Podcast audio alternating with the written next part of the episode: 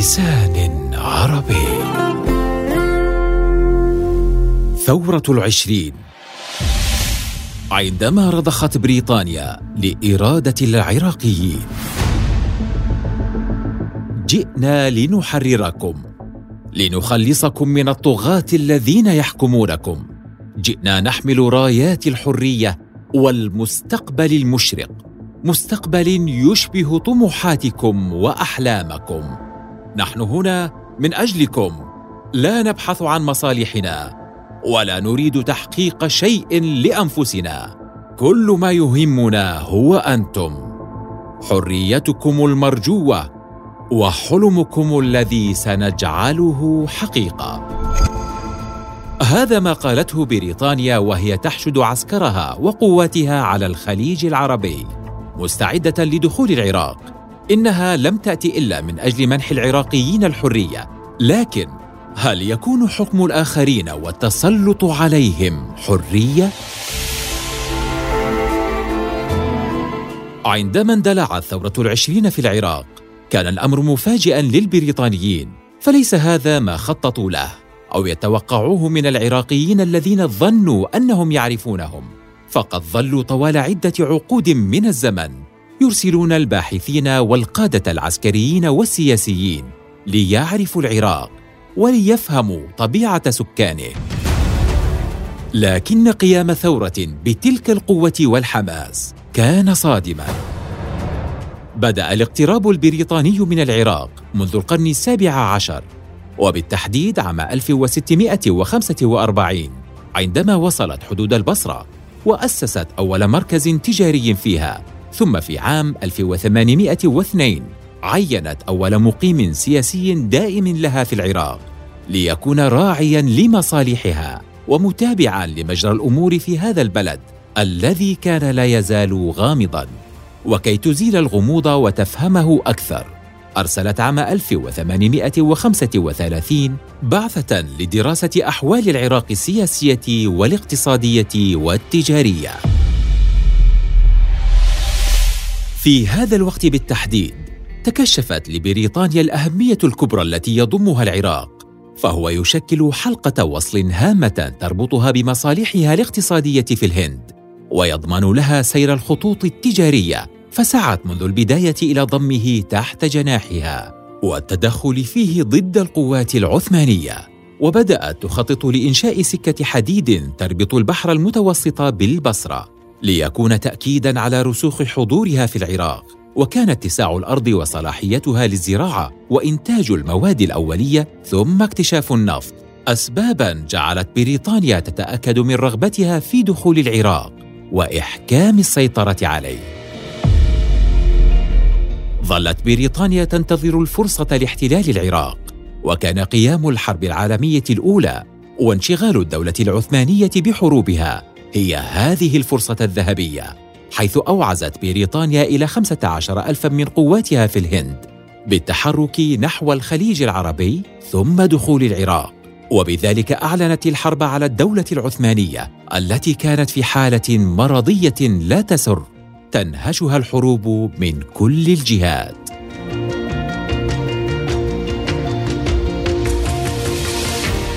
كانت الحرية هي الراية التي استترت خلفها بريطانيا عند دخولها العراق. فقد رافق وصولها إصدار بيانات وإلقاء خطب عن الحرية والتقدم التي تنتظر الشعب العراقي.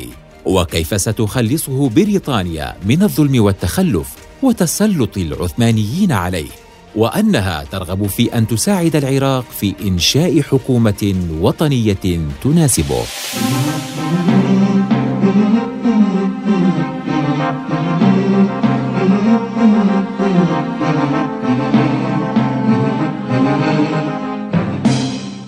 والعراق في ذلك الوقت كان يعيش تحت طبقات سميكة من الجهل والتخلف فلا وجود لدولة حقيقية ولا لسلطة مركزية تضبط أمور البلد وتمسك زمام أموره. كل شيء منفلت والسلطة متوزعة بين المدن والمحافظات على العشائر والمراجع الدينية مع حضور بسيط لوال عثماني أو مسؤول حكومي يرجع إليه في بعض التفاصيل. ورغم ذلك لم يكن العراق سهلا على بريطانيا فقد بدأت بدخوله عام 1914 لكنها لم تحكم سيطرتها عليه حتى عام 1918 فقد خاضت معارك كبيرة تقودها الدولة العثمانية تارة وواجهت مقاومة من بعض الجيوب الشعبية تارة أخرى. في هذا الوقت أصدر الجنرال ستانلي مود قائد القوات البريطانية في العراق بيانه الذي بشر فيه العراقيين بالحرية.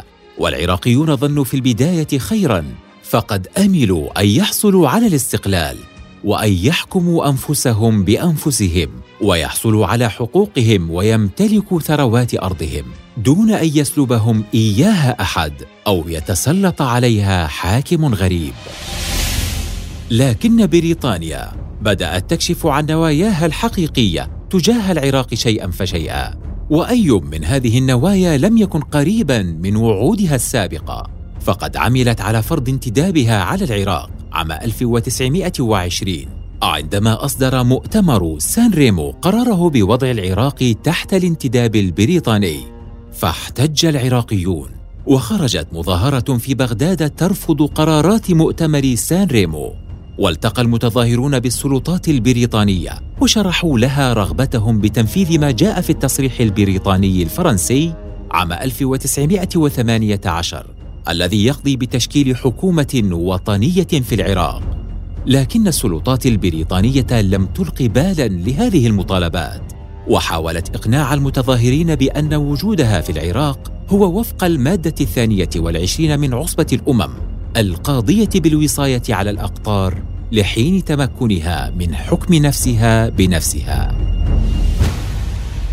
ظل الوضع في العراق متأججا وساخطا على السلطات البريطانية وكانت دواعي الانتفاض عليها تزداد يوما بعد آخر فقد تفاقم سوء الوضع الاقتصادي وارتفعت الأسعار بشكل لا تحتمله قدرات السكان الاقتصادية إذ اعتمدت بريطانيا بعد الحرب العالمية الأولى. على مستعمراتها في انتشال اقتصادها من التردي فازدادت نفقاتها وكبر استغلالها للأراضي الزراعية لمصالحها الخاصة ورفعت نسبة الضرائب وكل هذا عاد بالسوء على العراقيين الذين وجدوا أنفسهم في وضع أسوأ من ذي قبل.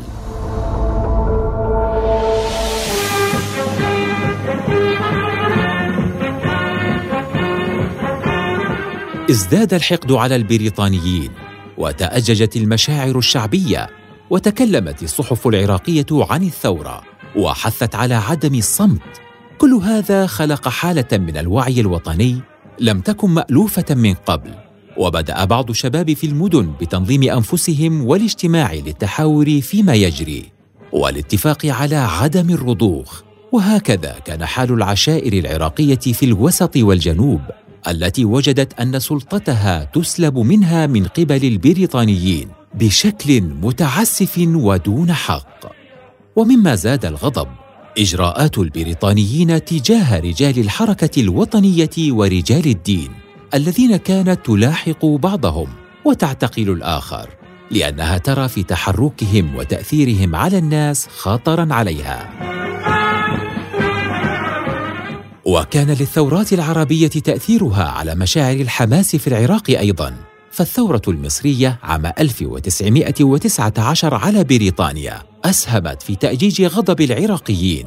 ثم قيام الدولة العربية في سوريا عام 1920 الذي أعطى للعراقيين أملا أن بإمكانهم التخلص من سلطة البريطانيين وتأسيس دولتهم الخاصة بهم. غير أن الشرارة الأولى التي أوقدت نار الثورة لم يكن مخططا لها ففي حزيران من عام 1920 قامت القوات البريطانية باعتقال شعلان أبي الجون شيخ عشيرة الظوالم في محافظة المثنى واستعدت لإرساله إلى السجن الديوانية لكن عشيرته انتفضت جمعت رجالها وسلاحها وهاجمت السرايا الحكومي الذي كان محتجزا فيه وحررت الشيخ شعلان. وفي اليومين التاليين دمر المنتفضون سكك الحديد وقطعوا الجسور لكي يمنعوا عبور القوات البريطانية إليهم. كان لهذا الحادث تأثيره الكبير الذي امتد على طول العراق وعرضه. فسرعان ما وصل خبر اعتقال الشيخ وتحريره إلى بقية المحافظات. وانتفض العراق.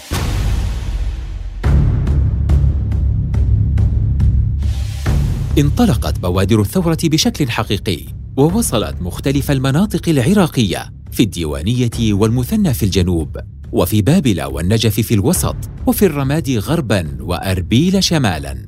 انتفضت العشائر العراقية المعروفة بقوة رجالها وقدرتهم على القتال وخوض المعارك والمزودة بالسلاح. ومعها وقفت المدن برجالها وأعيانها وعلمائها يساندونهم بالقتال ويرسلون إليهم ما يحتاجون إليه من مال ودعم.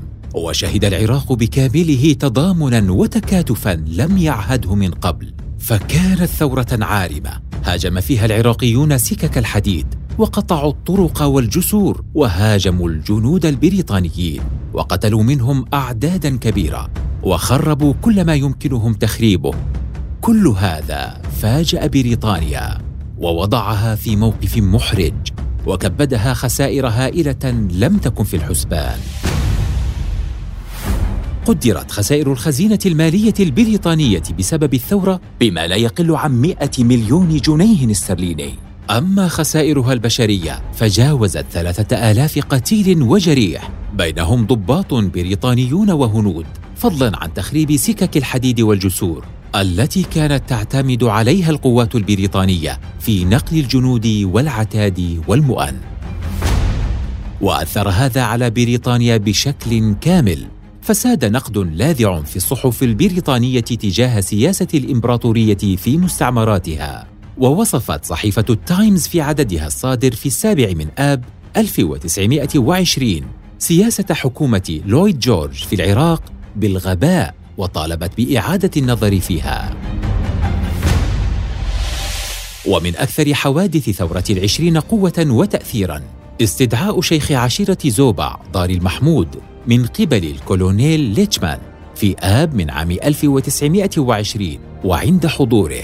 حاول الكولونيل استفزازه بالكلام عن اعتقال المعارضين وإيذائهم وأنه سيتعرض لذلك إن عارض بريطانيا. ثم اتهم الشيخ بأنه قاطع طريق وهذا أثار غضبه الشديد فخرج من خان النقطة وعاد مع ولديه سليمان وخميس اللذين اطلقا رصاصهما على الكولونيل البريطاني ثم أجهز عليه الشيخ ضاري بسيفه.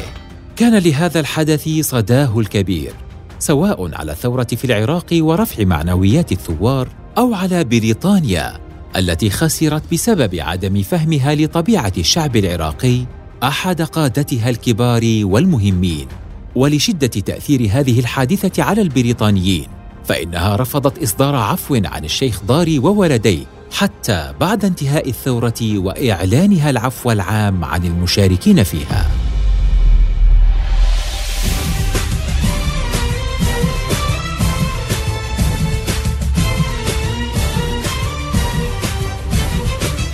لم تفلح ثورة العشرين في إخراج البريطانيين من العراق أو التحرر من قبضتهم بشكل نهائي. فقد كان لاختلاف موازين القوى بين الطرفين وضعف الجانب الاقتصادي والعسكري لدى العراقيين ووقوف بعض العشائر مع بريطانيا ثم اعتقال رجال الحركة الوطنية ومهاجمة قرى وأملاك وبيوت كل من شارك في الثورة قصفا وتدميرا كان لهذه الأسباب تأثيرها في تراجع قوة الثورة وقبولها بالأمر الواقع بالتفاوض مع البريطانيين لكن الثورة جعلت بريطانيا تعيد النظر في سياساتها وأجبرتها على التعامل مع مطالب الثوار بشكل حقيقي ودون تهرب. فقد كلفتها الثورة خسائر كبيرة وعليها الآن أن تجد طريقة أخرى تتعامل فيها مع العراقيين وتحقق لهم مطالبهم. وفي أواخر 1920 وصل مندوب بريطانيا إلى العراق بيرسي كوكس معلنا توجها جديدا لبلاده في العراق وقرار الإمبراطورية إنشاء حكومة عراقية وطنية خالصة.